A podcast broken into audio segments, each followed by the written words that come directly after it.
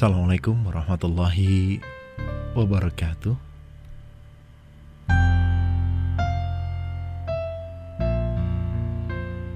Alhamdulillahirabbil alamin. Wassalatu wassalamu ala asyrafil anbiya'i wal mursalin sayyidina Muhammadin wa ala alihi wa ashabihi wa man tabi'ahum bi ihsanin illa yaumiddin.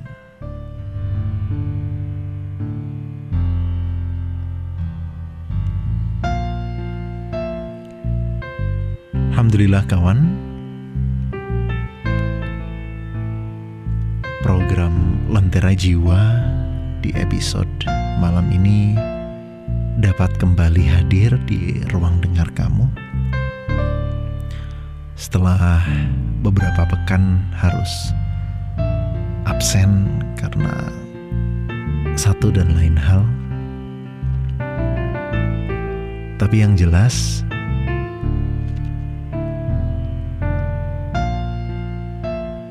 kami berhenti sejenak bukan untuk menyerah, namun untuk berubah. Ya, sedikit apa pun perubahan itu namanya berubah. Ya, sekecil apa pun itu, sebagaimana yang kita rasakan dalam hidup. Api yang menyala yang menyala sangat besar, semuanya berawal dari sebuah percikan kecil.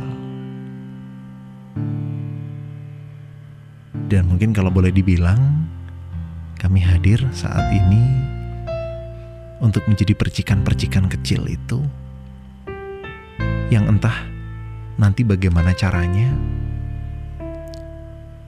Namun yang jelas kami berharap percikan kecil ini dapat membuat sebuah perubahan yang besar kelak.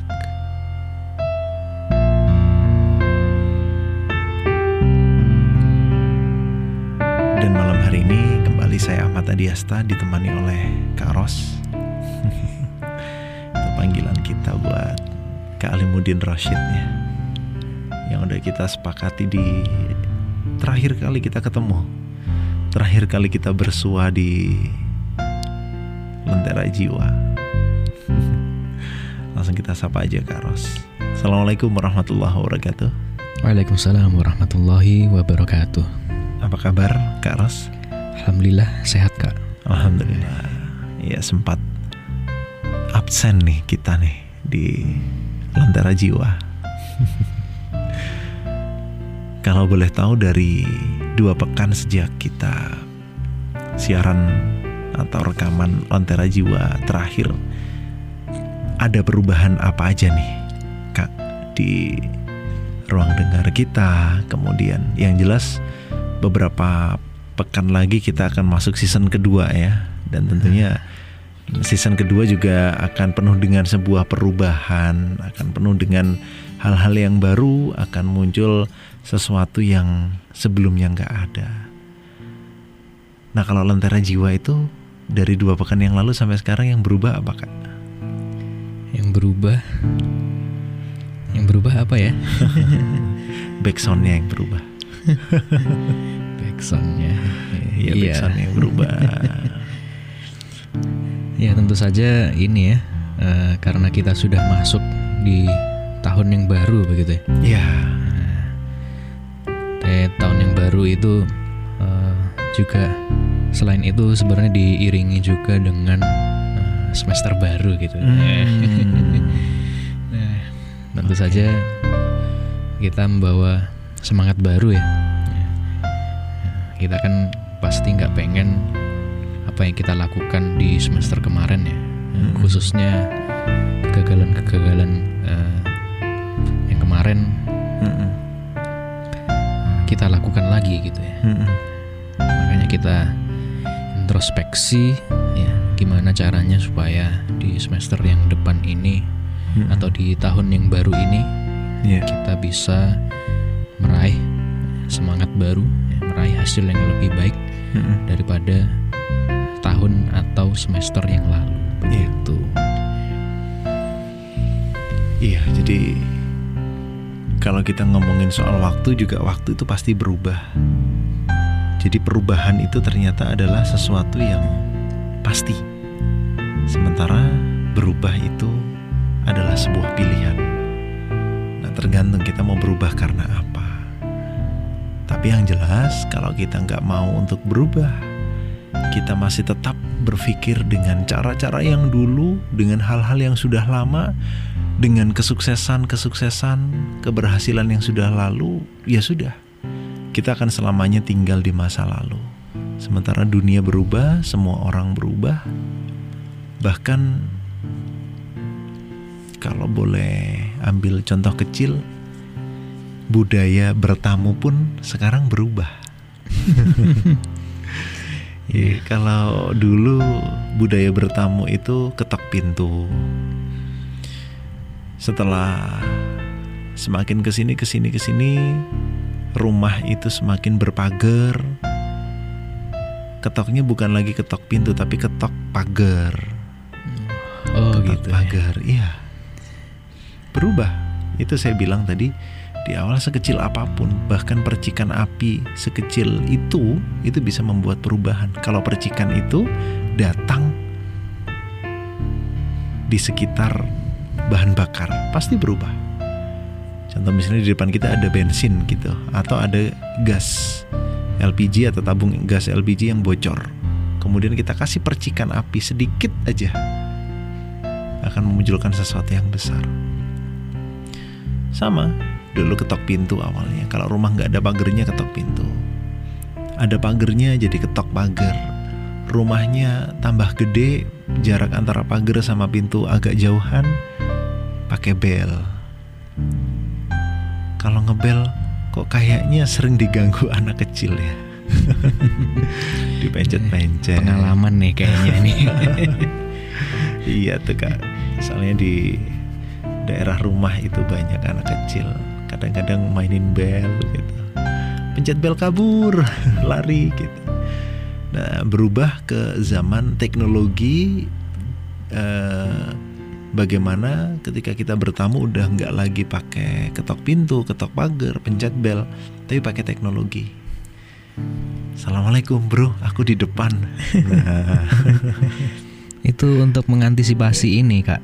Eh, apa? iya tiga kali. Biar itu ya. iya nggak tiga Heeh. kali.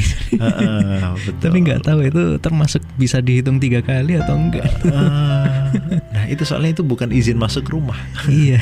izin Cuman beritahu posisi. aja. Heeh. Jadi mau dia satu jam di situ ya nggak ada masalah orang nggak ngetok rumah kan. Ya artinya kawan semua hal itu berubah. Kalau kita nggak mau berubah, ya sudah kita akan tergilas oleh perubahan itu sendiri. Tinggal tergantung kamu nih. Tergantung kita juga. Kita mau berubahnya karena apa? Karena memang pikiran kita yang menginstruksikan kita untuk berubah, pikiran kita yang berkembang, tersadar kemudian kita berubah, atau hati kita yang udah terlalu sakit dengan kepenatan, dengan kesedihan, dengan berbagai pengkhianatan. Itu adalah penyebab mengapa orang berubah. Jangan ke mana-mana, tetaplah ny- nyalakan lentera jiwa. berubah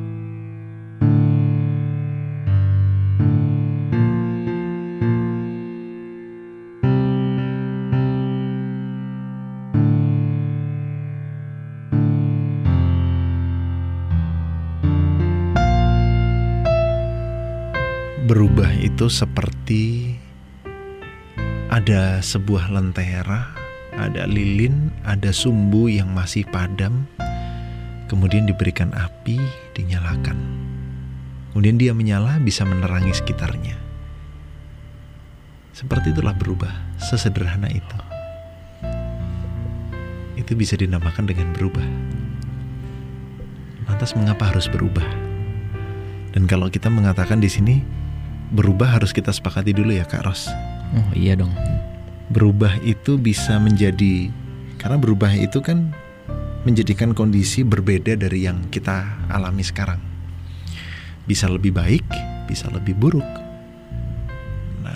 kalau kita berkaca pada apa yang disampaikan oleh Rasulullah Shallallahu Alaihi Wasallam bahwasanya orang yang hari ini lebih buruk atau orang yang hari ini sama keadaannya dengan keadaan kemarin maka dia adalah orang yang rugi. Sementara orang yang hari ini lebih baik dari hari kemarin dia adalah orang yang beruntung dan apabila orang tersebut hari ini lebih buruk dari hari kemarin, lebih jelek dari hari kemarin, maka dia adalah orang yang celaka. Ya kita berkaca pada hadis tersebut bahwasanya kalau kita mau berubah ya berubahlah ke arah kebaikan. Jadikan diri kita menjadi lebih baik lagi dan memang harus lebih baik. Mengapa harus lebih baik? Kenapa, Kak Ros? Kenapa? Ya karena sebelumnya uh, buruk, buruk. gitu. Simpelnya gitu. Uh, uh, dan keadaan yang buruk itu adalah keadaan di mana kita nggak terima atau keadaan di mana kita nggak nggak suka gitu ya. Keadaan di mana kita nggak suka. Nah pertanyaan yang perlu kita renungkan juga adalah mengapa bagi sebagian orang itu satu keadaan yang sama itu dianggap buruk sementara orang lain menganggapnya baik. Hmm. Ada kan? Buat buat saya mungkin yang namanya pacaran di luar nikah, wih pacaran di luar nikah. Iya. Emang waktu nikah ada ya pacarannya? Kenapa? Setelah nikah ada ya oh, pacaran? Iya. Oh, hubungan hubungan dengan suami istri, hubungan suami istri itu kan ya seperti orang pacaran gitu. Oh iya iya iya. Belum pernah ya? Udah kok kak pernah oh, di udah. ini di Jomblo Talk. Oh iya. Dengerin sih. Oke okay, oke. Okay. Iya. Bagi saya pacaran di luar nikah itu adalah sesuatu yang buruk. Namun bagi orang lain boleh jadi hal tersebut adalah hal yang baik kan? Lo kok bisa? Iya buktinya masih banyak orang yang pacaran. Enggak kok enggak pacaran kok, cuman membangun komitmen aja gitu. Iya, apa pun namanya kalau berdua-duaan ya sudah maksiat. Nah, kenapa itu bisa terjadi?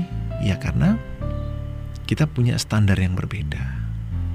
Kita meletakkan standar baik dan buruk, terpuji, tercela itu berbeda. Yang satu mengikuti standar A, yang satu standarnya B. Akhirnya memandang sesuatu itu berbeda. Contoh misalnya beli HP. Ada yang mengatakan, "Wah, HP merek A ini mahal sementara orang lain mengatakan oh ini murah banget nih karena standarnya beda seorang mahasiswa mengatakan oh jurusan uh, sains itu adalah jurusan yang baik. Sementara jurusan sosial adalah jurusan yang nggak baik atau kurang baik. Sementara yang lain mengatakan oh kata siapa? Sosial itu lebih baik dibandingkan sains. Nah kenapa bisa seperti itu ya? Karena standarnya berbeda. Kalau buat Karos, sains sama sosial mana yang baik? yang lebih baik yang beriman dan bertakwa. Masya Allah. Iya. Intinya dua-duanya baik karena apa? Karena mau sains mau sosial itu kan netral. Artinya uh, dia adalah sebuah ilmu yang netral gitu. Tinggal nanti dimanfaatkan untuk apa. Kalau belajar psikologi supaya uh, bisa nipu orang, mempermainkan psikologi orang, akhirnya bikin sebuah bisnis money game, yaitu buruk. Sementara kalau untuk menyelesaikan permasalahan orang dengan ilmu yang dia miliki, ilmu sosial yang dia miliki, ya itu baik. Sementara sains juga gitu. Ilmu sains digunakan untuk memajukan teknologi, digunakan uh, membuat sebuah teknologi supaya orang bisa lebih mudah beribadah, itu baik. Tapi kalau bikin teknologi, memajukan sebuah teknologi untuk uh, memberikan fasilitas agar orang bisa bermaksiat, itu baik atau buruk? Buruk. Nah, jadi harus ada standar dulu. Dan berubah pun sama ya kak ya. Kita juga harus punya standar. Berubah. Yaps. Nah kalau dari Kak Ros sendiri ada pengalaman mungkinkah ketika berubah itu saya harus memilih jalan yang ini bukan jalan yang itu dan mengapa saya memilih yang kayak begini gitu. Iya. Ya karena apa ya? Uh, sebelum kita berubah itu kita perlu memahami dulu ya. Mm-hmm. Memahami dulu hakikat kehidupan. Hakikat okay. kehidupan ya. Gimana itu? kita ini tentu saja hidup di dunia ini tidak ujuk-ujuk ada begitu. Ya. Mm-hmm. kita pasti eh, berasal dari eh, sesuatu begitu. misal mm-hmm. ya, bukan misal ya emang faktanya begitu oh, iya. contoh ya uh-uh. kita lahir dari uh, ibu kita begitu mm-hmm. kemudian ibu kita lahir dari siapa sampai mm-hmm. terus sampai ujung-ujungnya pada Nabi Adam gitu ya yeah. Nabi Adam yang mana Nabi Adam ini ya tentu saja tentu saja ketika kita sudah mencoba untuk mengamati ya mm-hmm. mengamati segala macam hal yang bisa kita indera yeah. maka kita akan melihat bahwasannya segala sesuatu yang bisa kita indera itu pasti ada yang menciptakan. Nah, ini kalau mau dibahas ini bisa dua jam oh, yes. ngaji aja sekalian ya. masya Allah disingkatin aja iya, dikit singkatin aja, aja. jadi ketika kita bertanya ini kita ini asalnya dari mana nih okay. maka ujung-ujungnya kita akan memahami bahwasannya kita ini diciptakan oleh Allah Subhanahu Wa Taala hmm. nah, kita datangnya dari Allah Subhanahu Wa Taala okay. tapi yang kedua ternyata ya tentu saja Allah Subhanahu Wa Taala tidak menciptakan kita ya, untuk alasan tertentu ya. -hmm. dalam artian alasan yang ya katakanlah kalau bahasa kita tentu saja ya masa kita diciptakan untuk iseng-iseng saja kan mm -hmm. tentu saja tidak nah, nah kita cari tahu nih ya, kenapa sih untuk apa Allah menciptakan kita ya. Jadi pertanyaannya bukan untuk apa kita hidup gitu. mm -hmm. karena persepsi tiap-tiap orang beda-beda nah dan itu karena tiap-tiap orang persepsinya beda-beda hmm. akhirnya ya baik buruknya relatif yeah. kan katanya tadi mindsetnya persepsinya standarnya harus sama, sama dulu, nih. Nah, maka dari itu nah kita lihat nih ya, dari informasi yang datangnya dari Allah Subhanahu Wa Taala itu seperti apa kenapa sih kok Allah menciptakan kita ternyata hmm. kalau kita lihat di surat Ad-Dariyat ayat 56 kan ya, ternyata Allah itu menciptakan jin dan manusia ya, tidak lain tidak bukan hanya untuk beribadah, gitu ya. Itu kalau nah, uh, gitu. sebentar saya potong dikit. Kalau itu tadi kita lanjutin pada pertanyaan, kenapa standarnya harus Allah? Nah itu panjang ya. Iya, panjang banget. Panjang banget itu. Ya sebenarnya gampangnya gini sih. Misalnya kita ya, -hmm. tentu saja kawan semua pasti punya HP ya. ya. Hmm. ya. HP-nya apa nih? Oh, nggak nggak usah sebut merek ya. A, merek nah, A. Sebut aja mereknya inisialnya LG gitu. ya, nggak kepikiran merek lain yang bisa diinisialin. oh. Nah, misalnya kita punya HP, maka ketika ada apa-apa ya, atau misalnya kita belum pernah nih megang hmm. hal HP uh, Android yang mana di sana itu ternyata mereknya adalah LG gitu. Mm -hmm. Terlebih kalau kita ketahui bahwasannya yang namanya HP itu pasti punya uh, preferensi interface ya, tampilan Hmm. yang beda-beda walaupun sama-sama Android. Kadang-kadang bingung gitu. Kemudian settingnya kalau kita buka uh, setelan kan pasti beda. Mm-mm. Nah, gimana kalau misalnya terjadi kerusakan? Gimana kalau misalnya kita mau mengubah sesuatu di HP itu? Mm-mm. Nah, kita harus cari tahu dong. Yang pertama, ya, yang sumber yang tidak bisa ya, salah atau ataupun kemungkinan salahnya itu kecil sekali. Iya. Maka kembali ke buku panduannya. Iya. Atau misalnya HP kita ada rusak, maka kita bawa ke service center, center. begitu. Ya, walaupun kadang-kadang kalau IC-nya rusak gitu ya mending beli HP baru aja. Nah, jadi kalau ada apa-apa, gimana solusinya? Ada masalah, gimana solusinya? Kita kembali ke nah, yang buat HP itu tadi, Mm-mm. atau bertanya pada orang yang paling memahami. Tidak Iya. lain tidak bukan orang dari service. Ya. service center. Nah, maka kita bawa. Kenapa sih kok kita harus mengembalikan segala sesuatu kepada Allah Subhanahu Wa Taala? Mm-mm. Ya. Karena ya kita ketahui bahwasannya tadi ya, ya Allah Subhanahu wa taala itu adalah pencipta dan pengatur alam semesta ini. Mm-mm. Ya. Alam semesta ya beserta isinya manusia dan makhluk-makhluk lainnya yang ada di dalamnya. Mm-mm. Maka kalau kita pahami bahwasannya Allah sebagai pengatur Mm-mm. Allah sebagai pencipta maka Allah ya maka Allah yang paling tahu ya, Iya. Iya.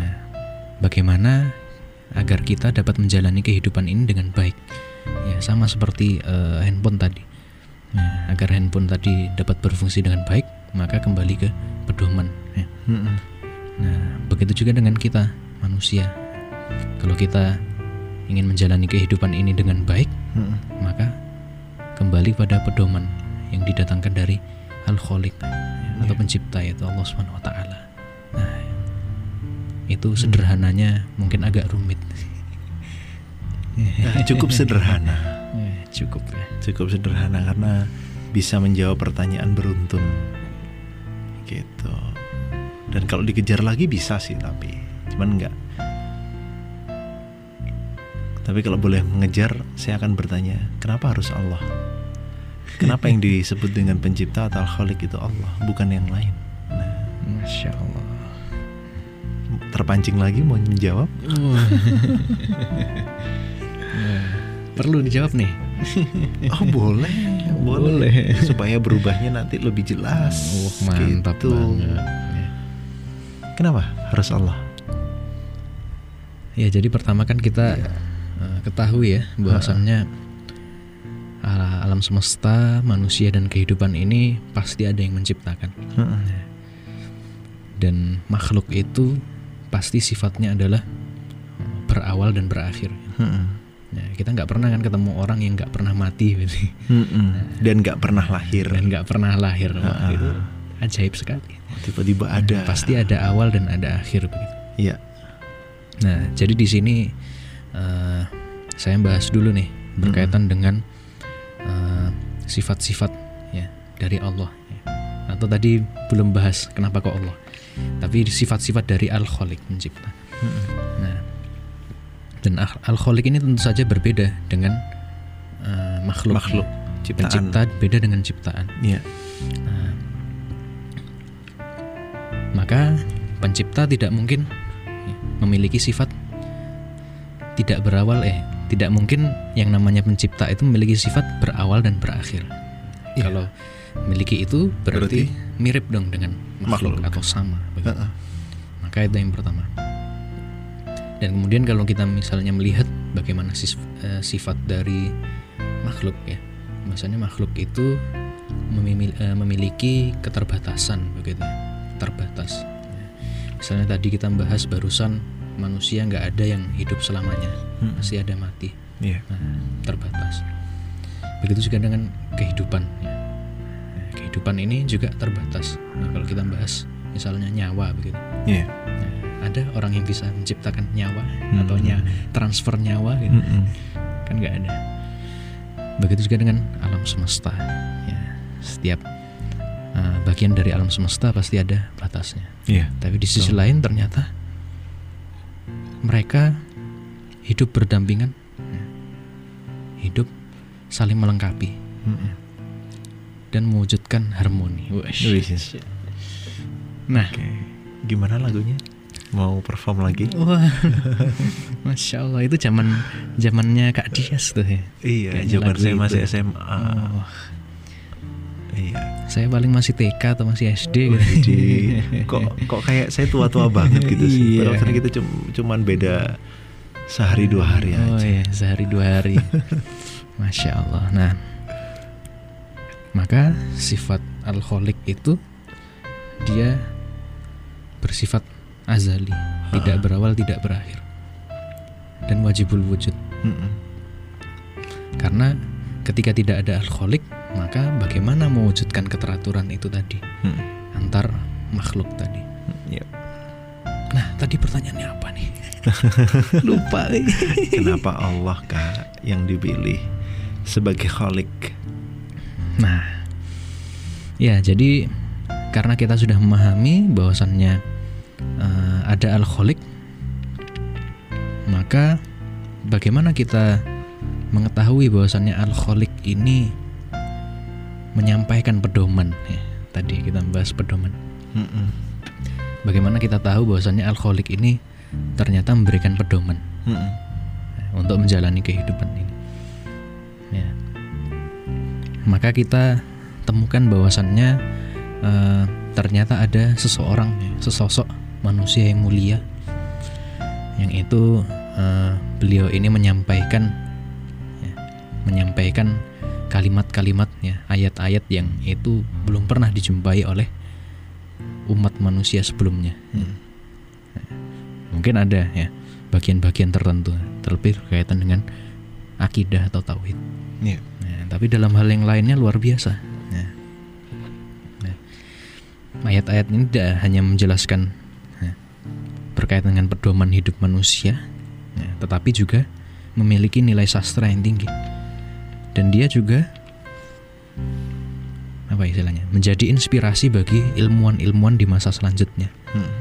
untuk melakukan eh, riset, observasi, penelitian sehingga menghasilkan penemuan-penemuan yang luar biasa. Mm-mm. Yaitu apa? Ternyata ya, tadi pertama sosok yang membawa ayat-ayat ini adalah Rasul kita Rasulullah Muhammad Shallallahu Alaihi Wasallam bahwa tentu saja ternyata membawa Al-Quran. Iya. Singkat kata singkat cerita. Nah, kita harus mengkonfirmasi nih. Wah, Mm-mm. Al-Quran ini benar nggak ya datangnya dari Al-Kholik begitu ya. Mm-mm. Nah, maka ada tiga kemungkinan kan Al-Quran diturunkan di, Di Jazirah Arab Jazirah begitu Arab. ya. Maka bisa jadi yang pertama yang membuat mengarang ya, tanda kutip Mm-mm. Al-Quran itu adalah orang Arab. Iya. Ya, make sense lah. Ya. Karena Al-Quran berbahasa Arab, kemudian Turunnya orang di Arab, ya, ya, dan lain sebagainya. Mm-mm.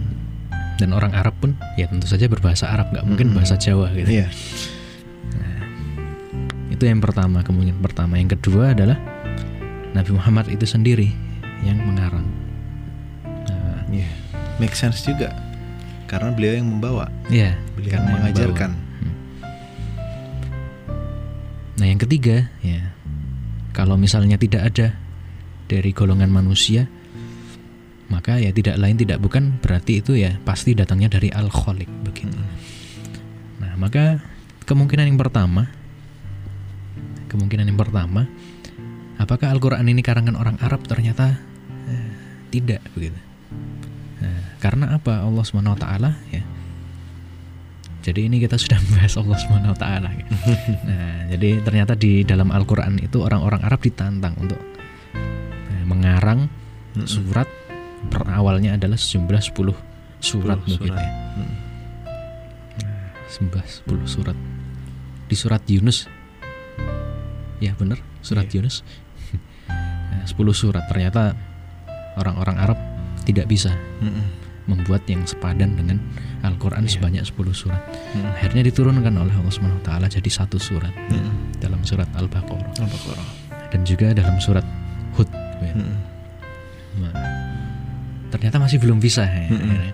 Ya, bahkan di surat Hud itu disampaikan bahwasannya eh, disampaikan bahwasannya kalau misalnya manusia ini tidak sanggup untuk membuat tandingannya Al-Qur'an walaupun hanya satu surat, maka datangkan seluruh bangsa jin. Iya. Wah, sampai segitunya kan. Mm. akhirnya ya, kalaupun bisa orang Arab yang ternyata membuat kalau di Al-Quran ada surat Al-Fil gitu. Iya. nah ternyata orang Arab juga membuat tandingan nih kalau misalnya kawan pernah mendengar Iya. salah satu tokoh yang Musailamah Al-Kadzab ya, Mm. tokoh ini eh, nabi palsu begitu ya Iya. mengklaim sebagai nabi palsu nyampaikan ya tentang gajah ya.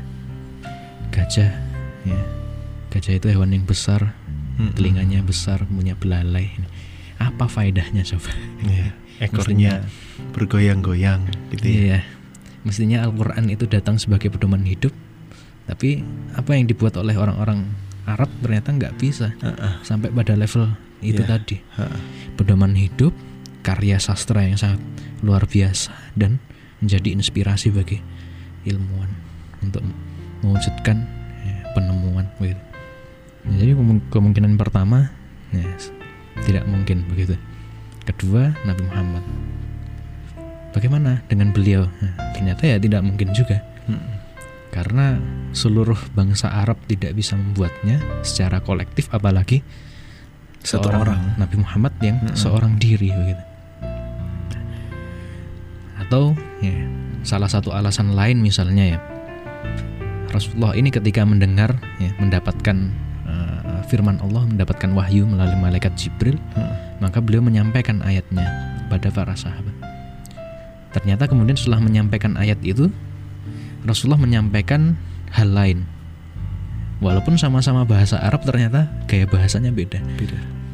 Ya, ibaratnya kayak eh, kawan misalnya berbicara dengan seseorang pertama ngobrol pakai bahasa Melayu gitu. Terus habis itu ya, berbicara dengan bahasa Indonesia. Heeh. Ya, anggap saja 11 12 ya, gaya bahasanya beda gitu. Heeh.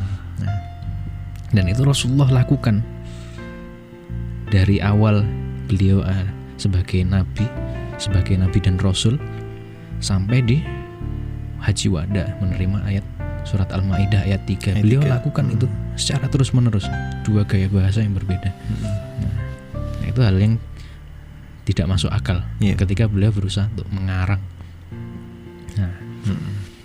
Ya, seperti itu. Kemudian ada juga riwayat yang, menyampaikan bahwasannya eh, Rasulullah ini adalah ummi ya, tidak bisa baca tulis. Nah, kalaupun misalnya ada surat yang beliau eh, ingin sampaikan kepada orang lain atau kepada eh, raja misalnya, Mm. maka beliau mengutus sahabat. Eh, yang saya ingat itu Ali bin Abi Thalib Iya. ya, disuruh untuk menulis surat begitu. Nah, jadi tidak lain tidak bukan Al-Quran itu datangnya dari Al-Khaliq. Nah, ketika itu datangnya dari Al-Khaliq maka kita meyakini bahwasannya segala macam, ya, segala sesuatu isi yang ada di dalam Al-Quran itu adalah kebenaran. Iya. Maka kita jumpai di dalam Al-Quran ini ya surat yang mestinya kita semua hafal secara mutqin ya. Iya. Dimulai dari ayat 3, ayat 1, ya, ayat 2 itu nyambung pasti. Heeh. Yaitu surat apa? Ya, surat Al-Ikhlas. Iya. Ya, di sana sebutkan kan ya. Qul huwallahu ahad, Allahu samad. Lam yalid wa lam yulad wa lam yakul lahu kufuwan ahad. Ya, katakanlah kul Allah itu Ahad. ahad, Satu. satu, esa. Allahu samad, Allah itu tempat Bergantung. ya, bergantung. Lam yalid wa lam yulad. Enggak Beliau beranak. itu tidak beranak dan tidak pula diperanakkan. Iya, betul sekali. Walam yakul lahu kufuwan ahad. Dan nggak ada yang eh, satupun Hmm. yang Yang setara, Setara. ya, sepadan dengan Heeh. Allah itu tadi. Nah, Jadi gitu kan. Kenapa Iya, kok iya, iya, Allah iya. Taala nyebutnya kan?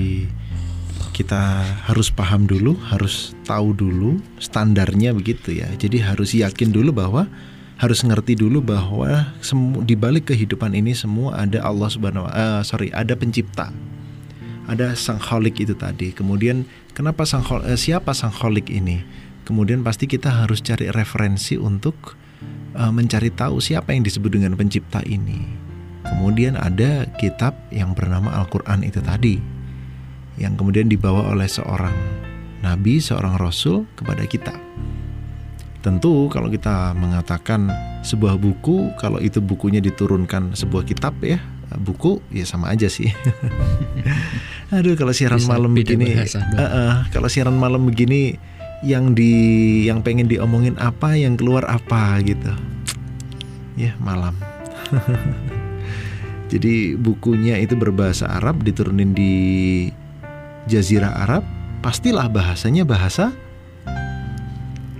bahasa apa? bukan bahasa Indonesia yang bukan jelas, bahasa bukan bahasa Sunda, uh, bukan bahasa Batak, ya kan? bukan bahasa Madura. Uh, uh, bahasa Arab pastinya. Iya. Maka dari ketiga hal tadi diturunkan pada orang Arab, uh, diturunin di Jazirah Arab, bahasanya bahasa Arab, maka pastilah yang membuat adalah orang A, uh. R, A, B. Itu uh, logika itu kita logika gitu. kita ya. uh, logika kita hmm. begitu ben, gitu. ada eh, make sense gitu cuman ternyata tadi udah dibuktikan bahwasanya ya. di dalam Al-Qur'an itu ada tantangan-tantangan kepada manusia dan bukan cuma kepada orang Arab aja sampai sekarang ayat itu masih berlaku siapa pun yang bisa membuat surat yang sepadan seperti itu ayo bikin gitu kalau kamu merasa benar gitu kemudian ternyata nggak ada maka bisa dipastikan bukan buatan orang Arab gitu. Bukan buatan manusia lain mana pun juga. Ah, yang membawa Nabi Muhammad. Wah berarti udah pasti yang membawa adalah yang membuat adalah Nabi Muhammad. Yang nggak bisa begitu juga. Kenapa? Karena Nabi Muhammad adalah orang Arab juga yang tadi ditantang untuk membuat surat yang sepadan dengannya. Nggak mungkin. Eh terus gimana? Ya pastilah. Al-Quran ini tadi bukan buatan manusia mana pun. Adalah buatan yang selain manusia datang dari yang selain manusia siapa al-khaliq akhirnya kita percaya bahwa Al-Quran adalah prerogatif dari sang pencipta yang isinya adalah peraturan-peraturan panduan hidup untuk manusia yang memang berasal darinya gitu. Kemudian kita bertanya-tanya, nya itu siapa? Al-Khaliq itu siapa?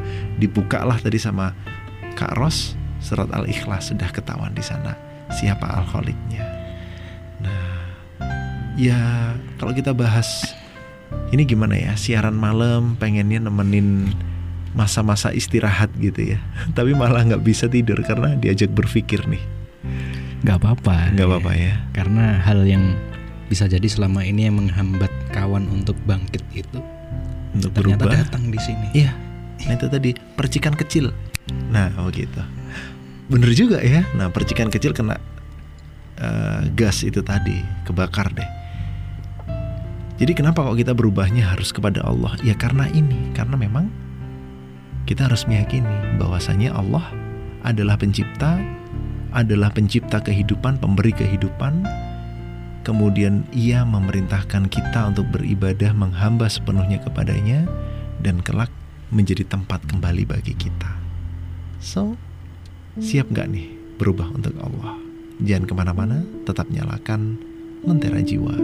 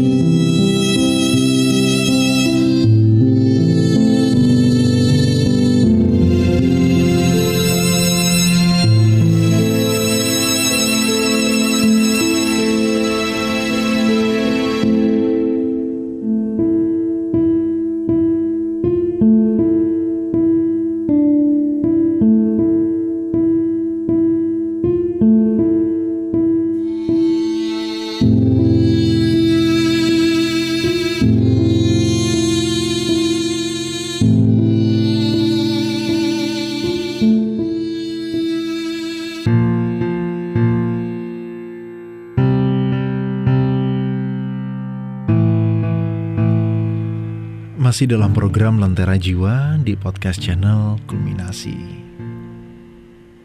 Wah, lama banget ya obrolan kita soal. Padahal pertanyaan saya kan cukup singkat itu. Iya nih. Pendek banget gitu. Mengapa berubah? Udah dijawab. Ke mana berubahnya? Berubahnya karena Allah. Nah, singkat kan? Terus saya tanya lagi, kok bisa Allah? Kenapa nggak ke yang lain? Wah, nah, dijawab sama Kak Ros. Ya karena Allah itu adalah Al-Khaliq, pencipta alam semesta ini, pengatur alam semesta, Rob semesta alam ini. Robbil alamin. Udah deh. Saya ini aja, ibaratnya seperti uh, orang yang itu tadi dipanasin itu oh gitu kok bisa kak disebut Rob? Robul Alamin disebut Al Khaliq itu kok bisa? Kok bukan yang lain? Kok harus Allah? Uh, kemudian dijawablah dengan panjang lebar berapa menit tuh? Hampir 30 menit. Itu sudah versi paling singkat kak. Okay. kalau versi panjangnya bisa dua jam empat jam bisa. Oke okay. ya nah kemudian sekarang kalau kita udah satu persepsi ya kan? Kenapa kita harus berubah karena Allah? Ya karena memang Allah adalah zat yang menciptakan alam semesta menciptakan kita semua. Ya menjadikan kita yang awalnya nggak ada menjadi ada. Ya pokoknya mengatur semuanya lah. Maka sudah seharusnya ya. Kemudian kalau kita berubah, kita bahasanya anak sekarang itu hijrah menjadi sosok yang lebih baik dari hari kemarin. Menjadi sosok yang dicintai oleh Allah. Menjadi sosok yang dicintai oleh Rasulullah. Nah, kenapa kok harus Allah dan Rasulullah? Kan aku mau jadi diriku sendiri. Nah, ya tadi udah dijawab itu tadi. Karena intinya ketika kita berubah karena Allah, maka kita berubah menuju apa yang diridhoi, keadaan yang diridhoi oleh Allah. Dan ketika kita berada dalam keadaan yang diridhoi oleh Allah, maka keberuntungan yang pasti kita dapatkan, kebaikan yang kita dapatkan, keberkahan yang kita dapatkan. Dan memang kalau kita mau berubah ke jalan Allah ya, ya nggak nggak usah yang gede-gede dulu juga nggak apa-apa gitu. Karena perubahan itu bisa dimulai dari sesuatu yang kecil dan yang paling mudah. Karena yang penting berubah dulu lah. Karena dengan begitu pada akhirnya kita bisa meninggalkan kebiasaan buruk yang sering kita lakukan. Gak perlu tunggu, ah saya mau berubah nanti aja. Kalau uh, ini kan udah terlanjur nih kak, udah terlanjur masuk tahun baru Hijriah 1441 Hijriah aduh kayak kayaknya momennya udah lewat deh aku berubahnya tahun depan aja pas momennya tahun baru. Nah nggak gitu kawan. Nggak seperti itu. Kamu nggak harus menunggu tahun berganti untuk menjadi pribadi yang lebih baik. Kenapa? Karena setiap dari kita memiliki kemampuan untuk berubah kapan pun kita mau. Lalu berubah apakah seperti membalikkan telapak tangan gitu? Ya iya seperti membalikkan telapak tangan gitu. Udah mengawali sebuah perubahan ya memang harus seperti itu. Kalau bahasanya um, siapa itu? Ah lupa saya namanya. Ekstrim gitulah. Perubahan itu memang ekstrim dari hidup menjadi mati. Itu berubah. Dari mati menjadi hidup. Nah, itu juga berubah. Dari baik menjadi buruk, itu berubah kalau orang merokok dari yang merokok menjadi nggak merokok, nggak merokok itu berubah, betul. Tapi kan nggak semudah membalikkan telapak tangan. Iya, berubahnya itu semudah membalikkan telapak tangan, iya kan kak? Dari pacaran, kemudian kita pengen mengakhiri ya udah. Sorry ya, bukan aku nggak mencintai kamu, bukan aku nggak sayang sama kamu, bukan. Tapi karena, uh, uh, tapi karena ada zat yang lebih aku cintai yang bisa memberikan aku segalanya lebih dari kamu bahkan memberikan kamu buat aku itu dia bisa siapa Allah? Gitu. Tapi nggak seperti ini jalan yang diridhoinya yang namanya kita mau mau nyenengin zat kita pengen nyenengin Allah gitu kan pasti kan juga kita melakukan apa-apa yang diminta oleh Allah. Oke gampang. Kita putus ya. Oke putus. Gampang. Ah kayaknya kayak kalau aku merokok terus ini kayaknya uh, ada tabungan umroh yang terbuang sia-sia deh misalnya. Akhirnya aku berhenti merokok. Selesai gitu kan. Malah sholat lima waktu kayaknya aku kurang ajar banget deh kalau aku nggak mau sholat lima waktu. Ya udah sholat gitu. Semudah membalikan telapak tangan. Tapi ada yang nanti akan terasa berat terasa susah. Apa itu? Bertahan di dalamnya. Bertahan di dalam perubahan itu dan terus menjadikan perubahan itu lebih baik, lebih baik dan lebih baik lagi. Berat kan kak? Wah iya dong, ya balasannya apa gitu iya, kan? Balasannya makanya berat, uh, gitu. Makanya berat. Aduh, kok saya itu awalnya niat berubah, pengen berubah karena Allah. Pasti Allah membantu saya dong, pasti ngasihin yeah. kemudahan dong. Tapi kenapa begitu saya uh, memilih untuk berubah, kok jadi berat hidup saya teman-teman saya menjauhi lingkungan saya nggak bisa menerima perubahan yang saya lakukan apalagi cobaannya kok berat banget gitu. Kok banyak banget cobaan yang menimpa saya. Ya memang begitu kawan. Yang namanya cobaan itu pasti banyak ya kalau dikit namanya cobain. Nih aku punya kue enak oh, cobain gitu. dikit ya. nih aku punya minuman enak nih cobain deh ya dikit. Tapi kalau cobaan wah bertubi-tubi. Gitu ya kan? Seperti Rasulullah. Itu begitu diangkat menjadi nabi dan rasul Iqra bismi rabbikal ladzi khalaq. Disuruh membaca disuruh mengamati keadaan. Eh udah begitu kalau kita baca kisah di sirah Nabawiyah itu ya turun dari tempat beliau di Gua Hira gitu uh, balik ke rumah badannya demam menggigil. Kemudian berselimut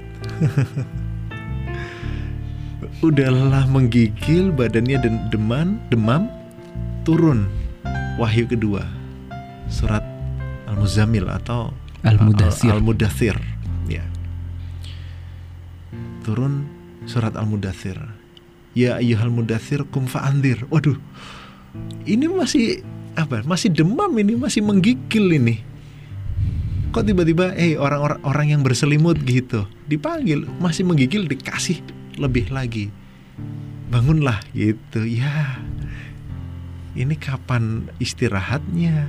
Nah, gitu kan. Kemudian uh, muncullah kata-kata gitu kan yang mungkin teringat uh, buat kita sekarang kita bisa jadikan slogan hidup kita ketika kita mau berubah ketika kita ketika kita sudah berubah pada saat kita berubah sebagaimana yang uh, beliau sampaikan uh, yang disampaikan oleh istrinya tentunya uh, Sayyidah Khadijah radhiyallahu anha. La rohata ba'dal yaum gitu. Nggak ada istirahat setelah hari ini. Nggak ada santai-santai setelah hari ini gitu. Sama seperti kita juga gitu. Setelah kita berubah kemudian kita meyakini atau mengetahui bahwa konsekuensi perubahan itu membutuhkan keistiqomahan. Dan bukan hanya istiqomah tapi harus meningkat lebih baik lagi. Maka ya la rahata ba'dal yaum nggak ada istilah nggak ada istirahat setelah hari ini. Nggak ada santai-santai. Apalagi kalau mungkin contohnya yang kaum wanita ya saudari saudari kita yang begitu berubah perubahannya pasti nampak dari luar gitu. Karena busananya pasti berubah pakaiannya pasti berubah. Dan pasti berat gitu. Kalau laki-laki mah waduh ini aku mau sholat lima waktu tapi kalau aku sholat malu dilihat dan lain sebagainya gitu kan. Itu gampang bisa lari ke masjid selesai uh, sampai di sana sholat uh, sholat. Udah nggak ketahuan. Tapi kalau wanita uh, pasti nampak pakai jilbab diulurkan ke seluruh tubuhnya pakai kerudung pokoknya hijab syari gitu deh pasti nampak perubahannya. Dan untuk bisa bertahan di dalamnya, itulah yang berat.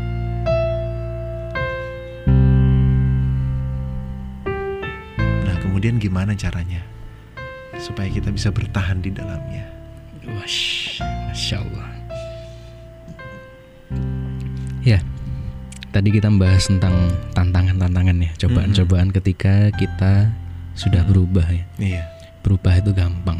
ya. Heeh. Kayak henshin gitu, kita nggak usah henshin aja, tinggal berubah gitu. Iya. Ya, Saking gampangnya. Saking gampangnya. Nah, yang sulit itu adalah mempertahankan perubahan itu tadi. Heeh. Nah,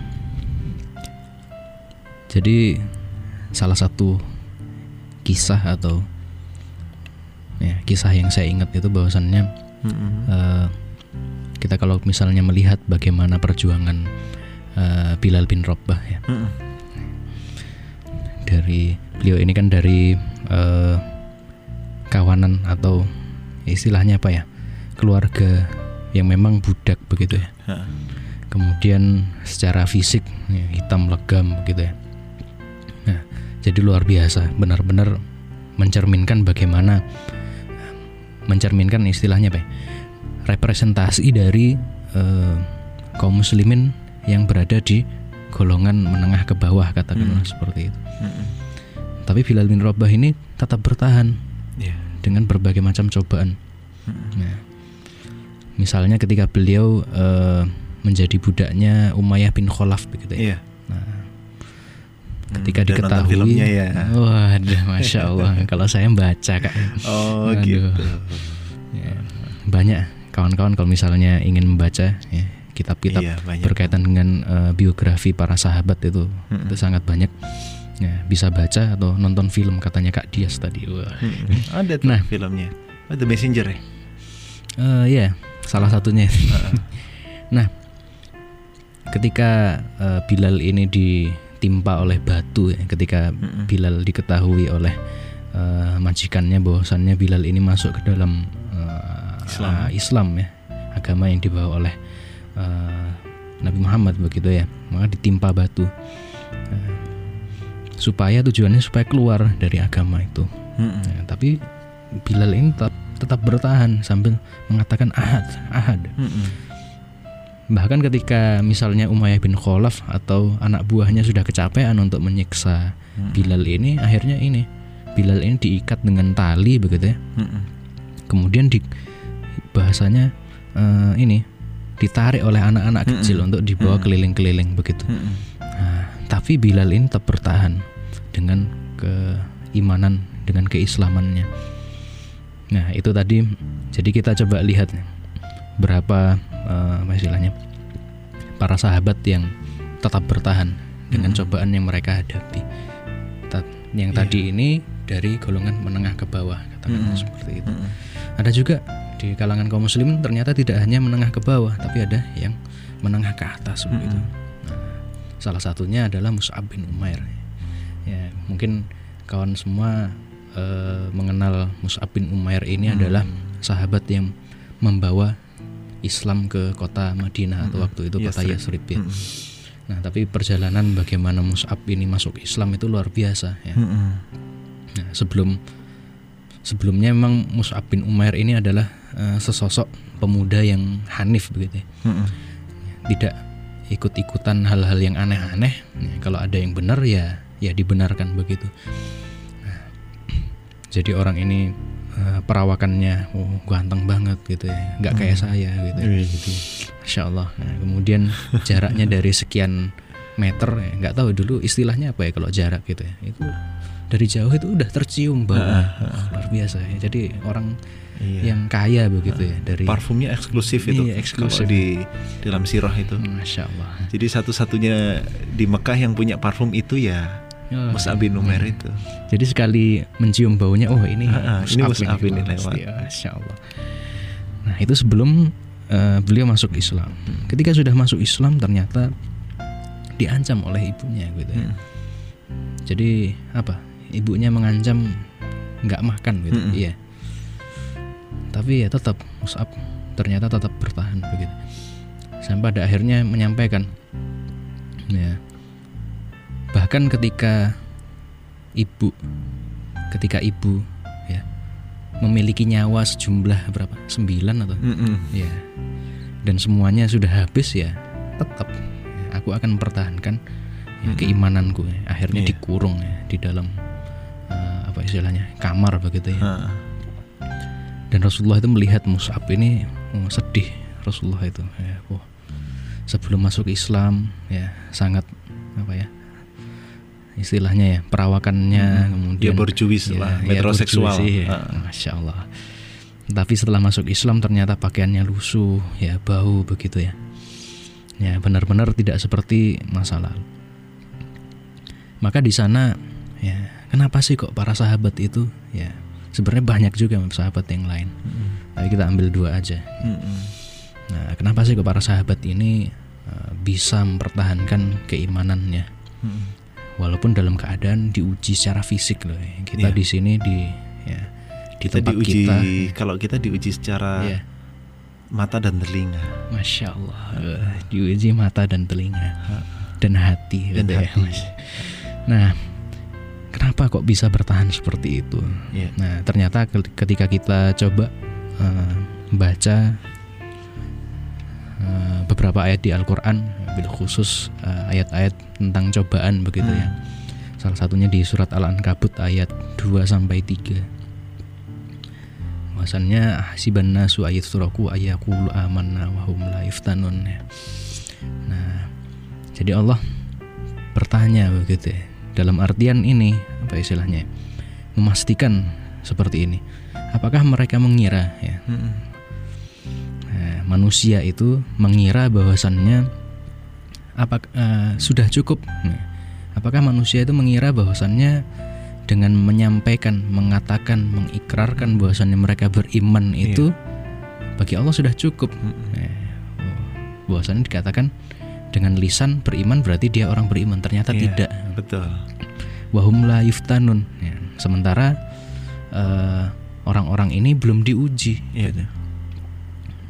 Kemudian Allah lanjutkan di ayat ketiga walaqad fatannal min qablihim fala ya'lamannallahu ya'lamannal. Nah, dan Allah itu sudah menguji orang-orang sebelum mereka Mm-mm. ya, sebelum di masa Rasul ini. Mm-mm. Maka dengan ujian itu Allah akan tahu eh, mana yang keimanannya itu benar-benar keimanan ya. As-siddiq ya, sodako. Keimanan yang benar dan mana yang keimanannya itu bohongan Bohong. gitu. Mm. Kadib. Maka ketika para sahabat melihat, oh ini ada ujian, ya, mereka senang. Malah ketika ada ujian itu senang. Mm-mm. Karena apa? Wah ini tandanya Allah itu ingin menguji keimanan kita. ya. Iya. Nah, bahwasannya mereka sudah yakin bahwasannya ujian itu datangnya dari Allah. Mm-mm. Nah, dan ketika ketika para sahabat itu bisa melangkah menghadapi ujian itu, Mm-mm. maka Allah akan tahu bahwasannya oh para sahabat ini keimanannya benar. Iya. Keimanannya benar-benar eh, asli, nah, hakiki. ya. Mm. Ya, keimanan yang hakiki. Iya. Jadi mestinya ketika kita dalam melangkah ya dalam aktivitas Mm-mm. eh, menuju perubahan dan mungkin kita sudah berubah ya tapi masih proses untuk Ya, terus, menguatkan terus. diri kita ya kemudian mengkondisikan lingkungan kita Mm. maka yakinlah bahwasannya itu datang semua dari Allah Iya. dan tentu saja kita ada di dunia ini ya, tidak lain tidak bukan ya seperti tadi hanyalah karena Allah menciptakan kita Mm-mm. Dan ketika Allah menciptakan kita, ya tentu saja Allah mengetahui, Allah sudah mengukur bahwasannya ketika kita diberikan cobaan ini itu atau apalah gitu ya, pasti Allah itu tahu bahwasannya kita itu bisa menghadapi ujian itu. Iya. La La yukallifullahu nafsan illa wus'aha begitu ya. Nah, mestinya makin senang. Wah, ini berarti Iya. ya anggap saja kayak kayak ini ya misalnya kita sekolah ya sekolah SD begitu ya SD Heeh. kita pasti ketemu dengan yang namanya ujian Mm-mm. karena ketika kita nggak ujian ya kita nggak akan naik ke SMP begitu. Mm-mm. Begitu seterusnya misalnya saya sebagai mahasiswa gitu ya. Kalau Mm-mm. kalau saya nggak Oh, menghadapi mahasiswa ya? Iya kan. Kan umurnya nggak jauh dari saya. Oh gitu ya. Ha-ha. Kalau kakak apa? Eh, Nah, saya saya biasa ketemu sama mahasiswa. Oh gitu. Oh iya, iya ketemu saya gitu ya. Iya. Iya. Ya jadi kawan misalnya tadi kita bahas mahasiswa ya. Mm-mm. Maka ketika kita tidak menghadapi ujian ya, dalam artian kalau mahasiswa yang paling terakhir itu adalah skripsi ya kalau kalau S1 sih. Hmm. Nah, S2 tesis, S3 disertasi gitu ya. Iya. Nah, ketika tidak kita tidak menyelesaikan yang namanya skripsi ini, ya, ya- ya kita nggak akan melangkah ke Mm-mm. tahapan yang selanjutnya. Mm-mm. Kita nggak akan selesai dengan apa yang awalnya ketika kita masuk kuliah kita ingin capai misalnya. Iya. Nah, nah, atau ya lain cerita misalnya kalau kawan misalnya ingin seperti Bill Gates atau Mark Zuckerberg ya, Mm-mm. ya baru baru beberapa semester langsung keluar ya, ya itu pilihan kawan sih. Iya. Ya, tapi, Tapi memang ada konsekuensi lagi. Benar. Dia dia harus menghadapi yang lebih berat lagi kan. nah jadi gitu. Jadi life is choice bro. Ah, Ya, life is choice kawan. Jadi Iya. setiap pilihan itu ada konsekuensinya ah. dan tentu saja setiap cobaan, setiap tantangan, hambatan itu Allah datangkan pada kita untuk mengunci keimanan kita. Iya. Ya, dan mestinya kita senang dengan hal Ah, itu. ah. Berarti kita mau naik level nih, nah, kan? Kalau udah ketemu skripsi berarti bentar lagi kita lulus nih, bentar Ah, lagi kita, kita wisuda nih. Kalau Ya. udah wisuda, nah, terus bentar lagi kita kerja nih. Ah, ah. Nah, kalau udah kerja, berarti bentar lagi apa kak? Ah, bentar lagi pensiun. Oh pensiun, oh masih lama itu. Masih lama. Oh, ya. Iya dong. Hmm, eh, justru menikah itu di awal-awal kerja nggak apa-apa kok. Oh gitu loh. Kok bahas nikah sih? Loh. Bukan saya loh kak yang Iya, ini. iya. Iya tadi kan tanya gitu. Oh gitu ya. Nah, nah, makanya sebagaimana kalau kita mau nikah itu kan ras eh, ini ya kalau kalau beberapa episode yang lalu kita bahas di Jomblo Talk itu nikah itu kan nggak harus cinta dulu. Cinta itu bisa dipupuk bisa dibangun.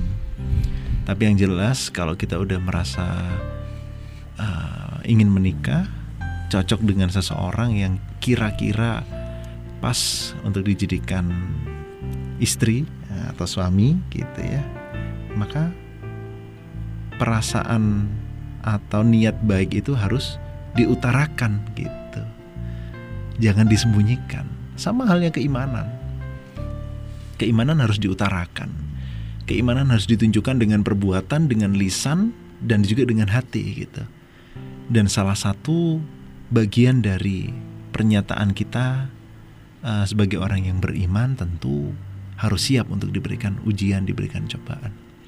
Makanya kalau beriman tunjukkan dengan perbuatan. Supaya ujian itu segera didatangkan oleh Allah dan kita segera lulus dari ujian itu tadi. Bukan disimpan dalam hati. Iya, bukan disimpan dalam hati. Ah, ah. aduh saya takut teriak menunjukkan keimanan saya. saya simpan aja dalam hati. Ya nggak bisa kayak begitu. Saya pengen menunjukkan keimanan saya dengan kalau perempuan nih, saya ingin taat sama Allah, maka saya harus berhijab kan. Bukan berarti kemudian kalau saya udah berhijab, waduh nanti dibilang wah si fulanah ini eh, riak nih. Eh, beriman bertakwa ditunjuk-tunjukin. Pakai hijab hijaban segala. Pakai pakai hijab syari segala. Kerudung lebar-lebar segala. Ah ingin dipuji nih riak nih. Bukan begitu. Kemudian akhirnya mengatakan ya udahlah biar yang tahu ketakwaan dan keimanan ini saya hanya saya dengan Allah. Saya hijabi hati saya. Gitu. Jadi harus ditunjukkan kawan. Kenapa karena Allah akan menilai amal kita dari perbuatan. Namanya aja amal. Ya walaupun niat aja udah dapat pahala tapi juga niat itu harus dibarengi dengan amal. Saya niat melamar dia. Eh kok melamar ya? Ini lentera jiwa atau jomblo ya? antara jiwa kak. Masya maaf kak. saya ingin saya ingin lulus. Saya ingin mendapatkan gelar S1 tapi skripsinya dimangkrakin gitu aja. Skripsi nggak dikerja kerjain gitu. Dibiarkan ya udah. Laptop dibuka Bismillahirrahmanirrahim saya mau mengerjakan skripsi. Laptop dibuka terus ditinggal tidur. Atau buka YouTube atau buka YouTube. Nah nggak bisa caranya uh, supaya bisa gimana? Ya udah ketika mau mengejar gelar S1 udah tiga setengah atau empat tahun misalnya udah cukup pengalaman di kuliah udah ambil gelar S1 gampang buka laptop ya kan? Buka Spotify dengerin podcast kulminasi ya sambil ngerjain skripsi. Nah, insya Allah akan tercapai tujuannya. Kalau buka laptop terus buk, nonton film, buka YouTube, ya bisa aja sih, tapi mungkin lama gitu kan disambi dulu sambil nonton film. Kalau yeah. podcast kan cukup didengerin sambil ngerjain bisa gitu, tapi hati-hati yeah. jangan salah fokus gitu aja. Itu tadi consumer advice ya. Uh, iya, yeah. betul itu solusi yeah. gitu. Jadi yeah. menyadarkan buat yang mungkin saat ini lagi dengerin podcast kita, rekaman kita nih ada yang lagi ngerjain skripsi kan? Iya. Boleh jadi gitu. Jadi supaya bisa lebih termotivasi gitu.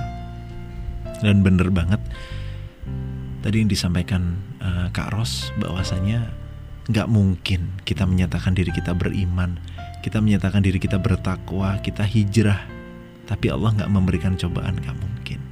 Kenapa? Karena hanya dengan cobaan itu derajat kita di hadapan Allah akan dinaikkan.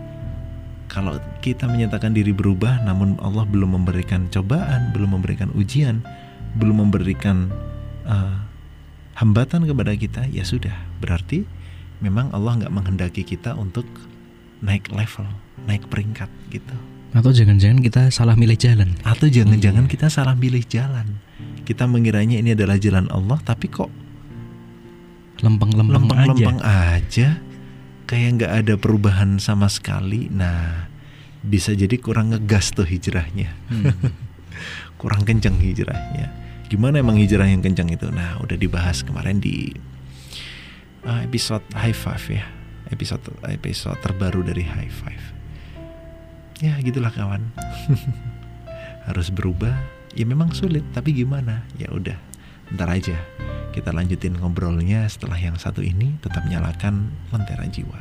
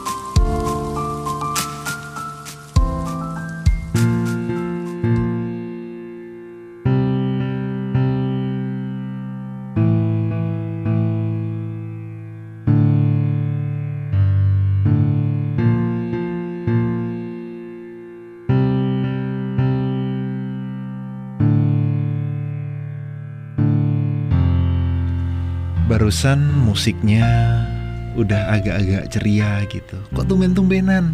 Mentera Jiwa kasih musik yang rada-rada ngebit gitu, yang nggak ngebit-ngebit banget sih. Uh, ya bukan kenapa-napa juga sih, karena kami ingin membangun suasana yang lebih ceria. Soalnya udah kebuka semua jalannya tadi kan. Oh iya. Harus berubah. Kenapa berubah? Udah ketemu jalannya. Terus kenapa berubahnya harus karena Allah? Udah dijelasin sampai kenapa yang disebut alkoholik itu adalah Allah.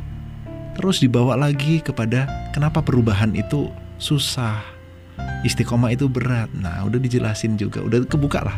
Pokoknya sekarang tinggal melangkah. Gitu. Melangkah itu berat nggak Kak Ros? Enggak. Enggak ya, Enggak. gampang ya. Iya. Tapi untuk terus melangkah, nah itu kalau sendirian berat udah pastilah. Iya. Mm-mm. Oh Sama. jadi inget sama ini yang apa kemarin. Ya? Apa? Berat-berat itu loh. Yang apa? mana?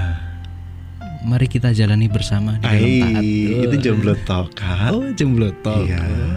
Enggak nggak etis kalau kita bahas di sini. Ya. Oh gitu. Jadi uh, mungkin sekarang yang lagi jomblo sedang menikmati dia harus berubah gitu kan. Me, me, harus meyakinkan diri bahwa dia harus berubah, dia harus memperbaiki diri lebih baik lagi. Kemudian disindir dengan kayak begitu tuh kayaknya langsung aduh kok bahas tentang itu lagi sih, janganlah. Gitu, tapi memang benar. Kalau kamu nggak memutuskan hari ini untuk bahwa saya harus segera menikah gitu. Ya udah, kesendirian itu nggak akan membawa kebahagiaan kok. Bener. Yang bisa membuat bahagia adalah bersama dalam taat sehati sesurga. Widih. Oh, ah, di belakangnya Kak Ros itu ada yang ketawa-ketawa tuh. Ya belum dipanggil aja ke jomblo talk gitu ya. Oh, ada iya. pengantin baru. Masya Allah. Hmm. Ada Mas Dian itu, video editor kita yang selama beberapa waktu itu sembunyi gitu nggak tahu kenapa itu setelah menikah nggak tahu. Udah siap lagi kembali ke medan laga atau belum itu ya. Tapi katanya udah siap sih dengar-dengar udah siap. Jadi nanti akan ada uh, video-video baru di Instagramnya Kulminasi Podcast. Nah insya Allah beliau sudah kembali gitu. Udah menemukan jati dirinya sebagai lelaki sejati uh, karena udah menikah. Oh jomblo talk ya? Nggak boleh ya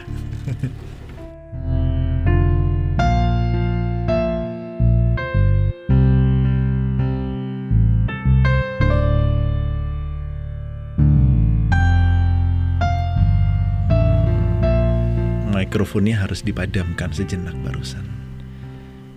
Karena malam-malam gini ada orang yang masuk lagi ke studio. Ya, pengantin baru juga tuh. Nantilah episodenya Jomblo Talk. Sekarang lagi bahas sesuatu sama Kak Rosid seputar perubahan ya. Iya. Yep. Kak Rosid kapan berubah? Berubah. Uh -uh Ya, setiap hari berubah. Enggak, maksudnya dulu ya. memutuskan untuk hijrah gitu. Wah, oh, Allah. Memutuskan untuk hijrah ya. Dulu sih belum kenal istilah hijrah sih uh -uh. sebenarnya. Ya intinya memang saya uh, sudah terbiasa melihat sesuatu itu ya sesuai dengan porsinya begitu. Hmm. Hmm. Kalau misalnya benar dan apa yang disampaikan memiliki uh, hujah atau istilahnya apa ya masuk akal uh, ya uh-uh. kita bisa mencernanya begitu yeah. maka ya dibenarkan begitu okay. kita perjuangin gitu ya.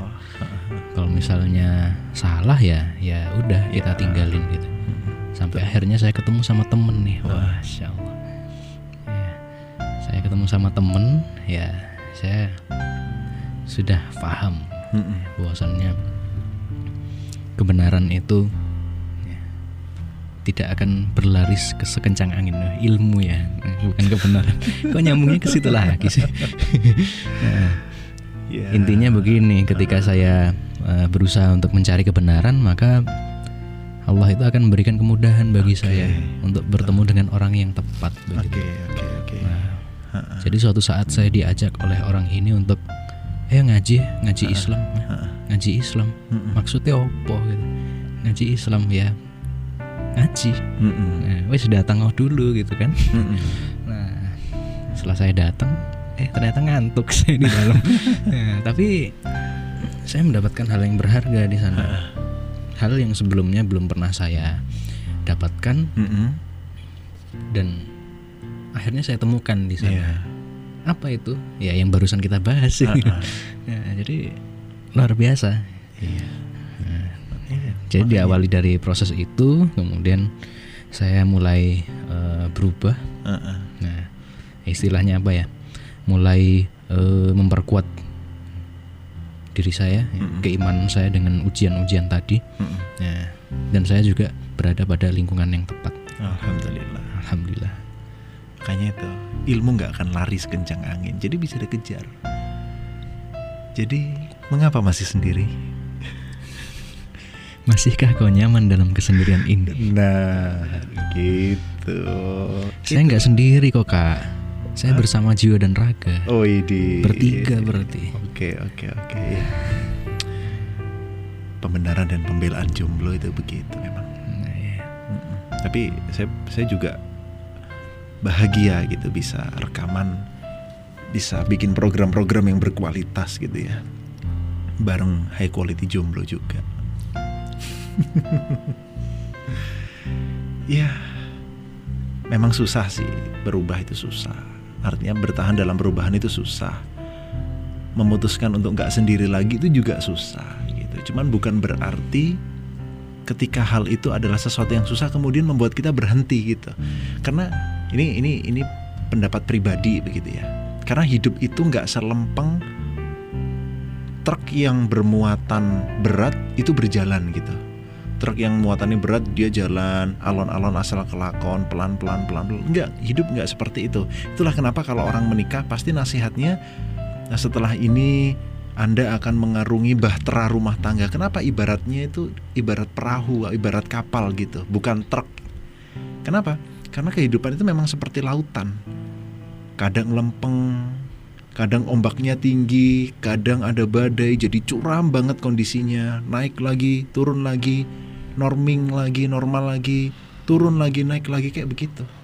Jadi kehidupan itu grafiknya begitu naik turun naik turun naik turun tapi jangan dibayangkan seperti roda yang berputar aja. Enggak. Bayangkan itu seperti ombak yang berderu gitu. Ada kondisi pada saat kita naik di sanalah kita eh, merasakan kejayaan, merasakan kemenangan kita, keberhasilan kita atau apa pun pencapaian itu. Kemudian ada kondisi santai di mana kita nyaman dengan kesendirian, eh kesendirian, nyaman dengan keadaan. Jadi kebawa kan, nyaman dengan eh, keadaan itu tadi. Jadi udah lempeng, udah nyaman dalam kesendirian, eh eh, dalam keadaan. Kak Rosi mancing-mancing mengapa masih nyaman dengan dalam kesendirian gitu ya. Jadi kita udah nyaman dengan keadaan kita, maka kita nggak mau berubah di situ. Kita stagnan, ya istilahnya zona nyaman lah.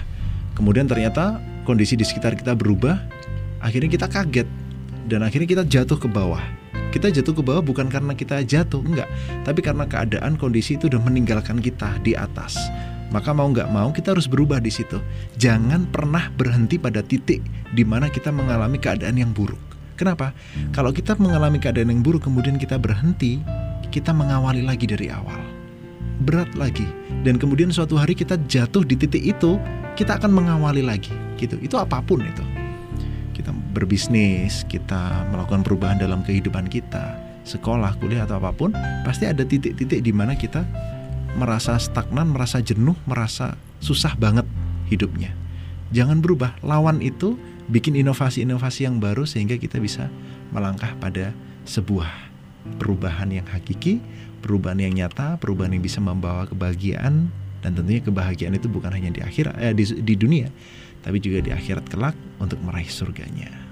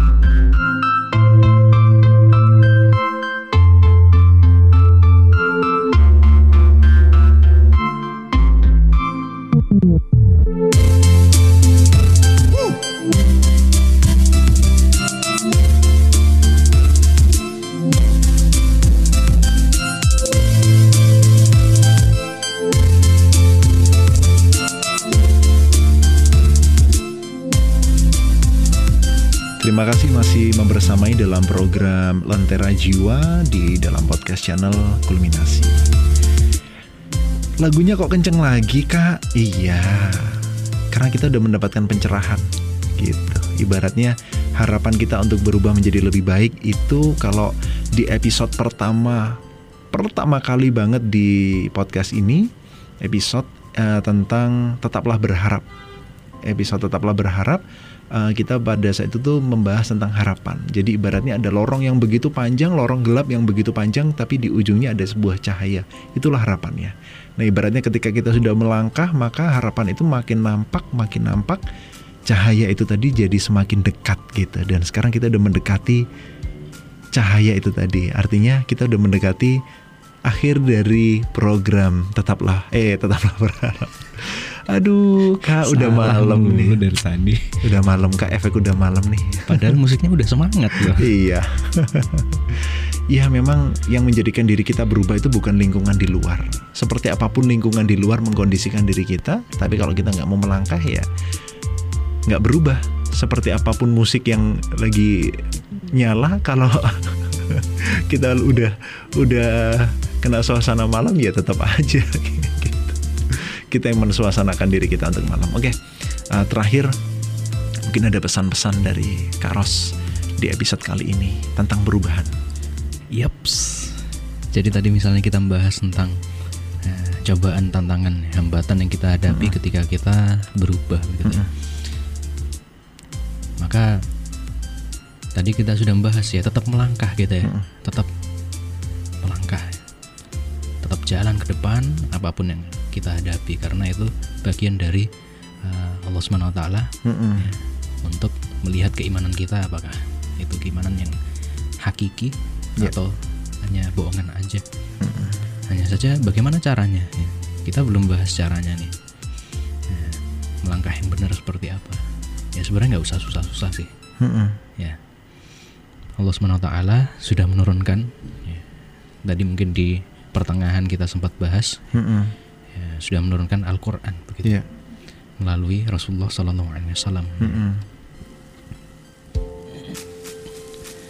Jadi kalau misalnya kita menghadapi masalah, ya sudah kita kembalikan pada Al-Quran dan Sunnah. Segala macam persoalan, mm -hmm. segala macam masalah, solusinya ada di sana. Mm nah, ya, jadi Allah swt memberikan ini secara cuma-cuma ya, solusi ini. Mm -hmm.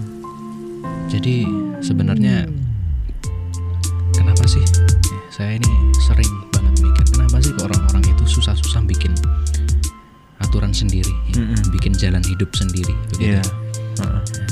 Bikin eh, hal-hal uh, yang katanya itu oh, ini gue banget gitu, mm -hmm. oh, ini ini cara hidupku sendiri. Mm -hmm. Padahal Allah swt sudah memberikan pedoman, pedoman. bagi kita. Mm -hmm yang mana kita nggak perlu mikir lagi gimana cara uh, apa istilahnya gimana caranya supaya kita bikin aturan baru begitu ya? Mm-hmm. gimana caranya kita hidup? Ya Allah itu sudah berikan itu. Dan mm-hmm. Rasulullah sudah mencontohkan. Ya dan itu semua berhasil. Ya apa yang dilakukan?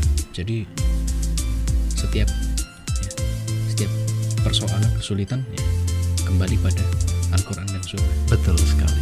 Dan pesan Rasulullah kita nggak akan pernah tersesat selamanya kalau kita bertahan dengan Al-Quran dan As-Sunnah.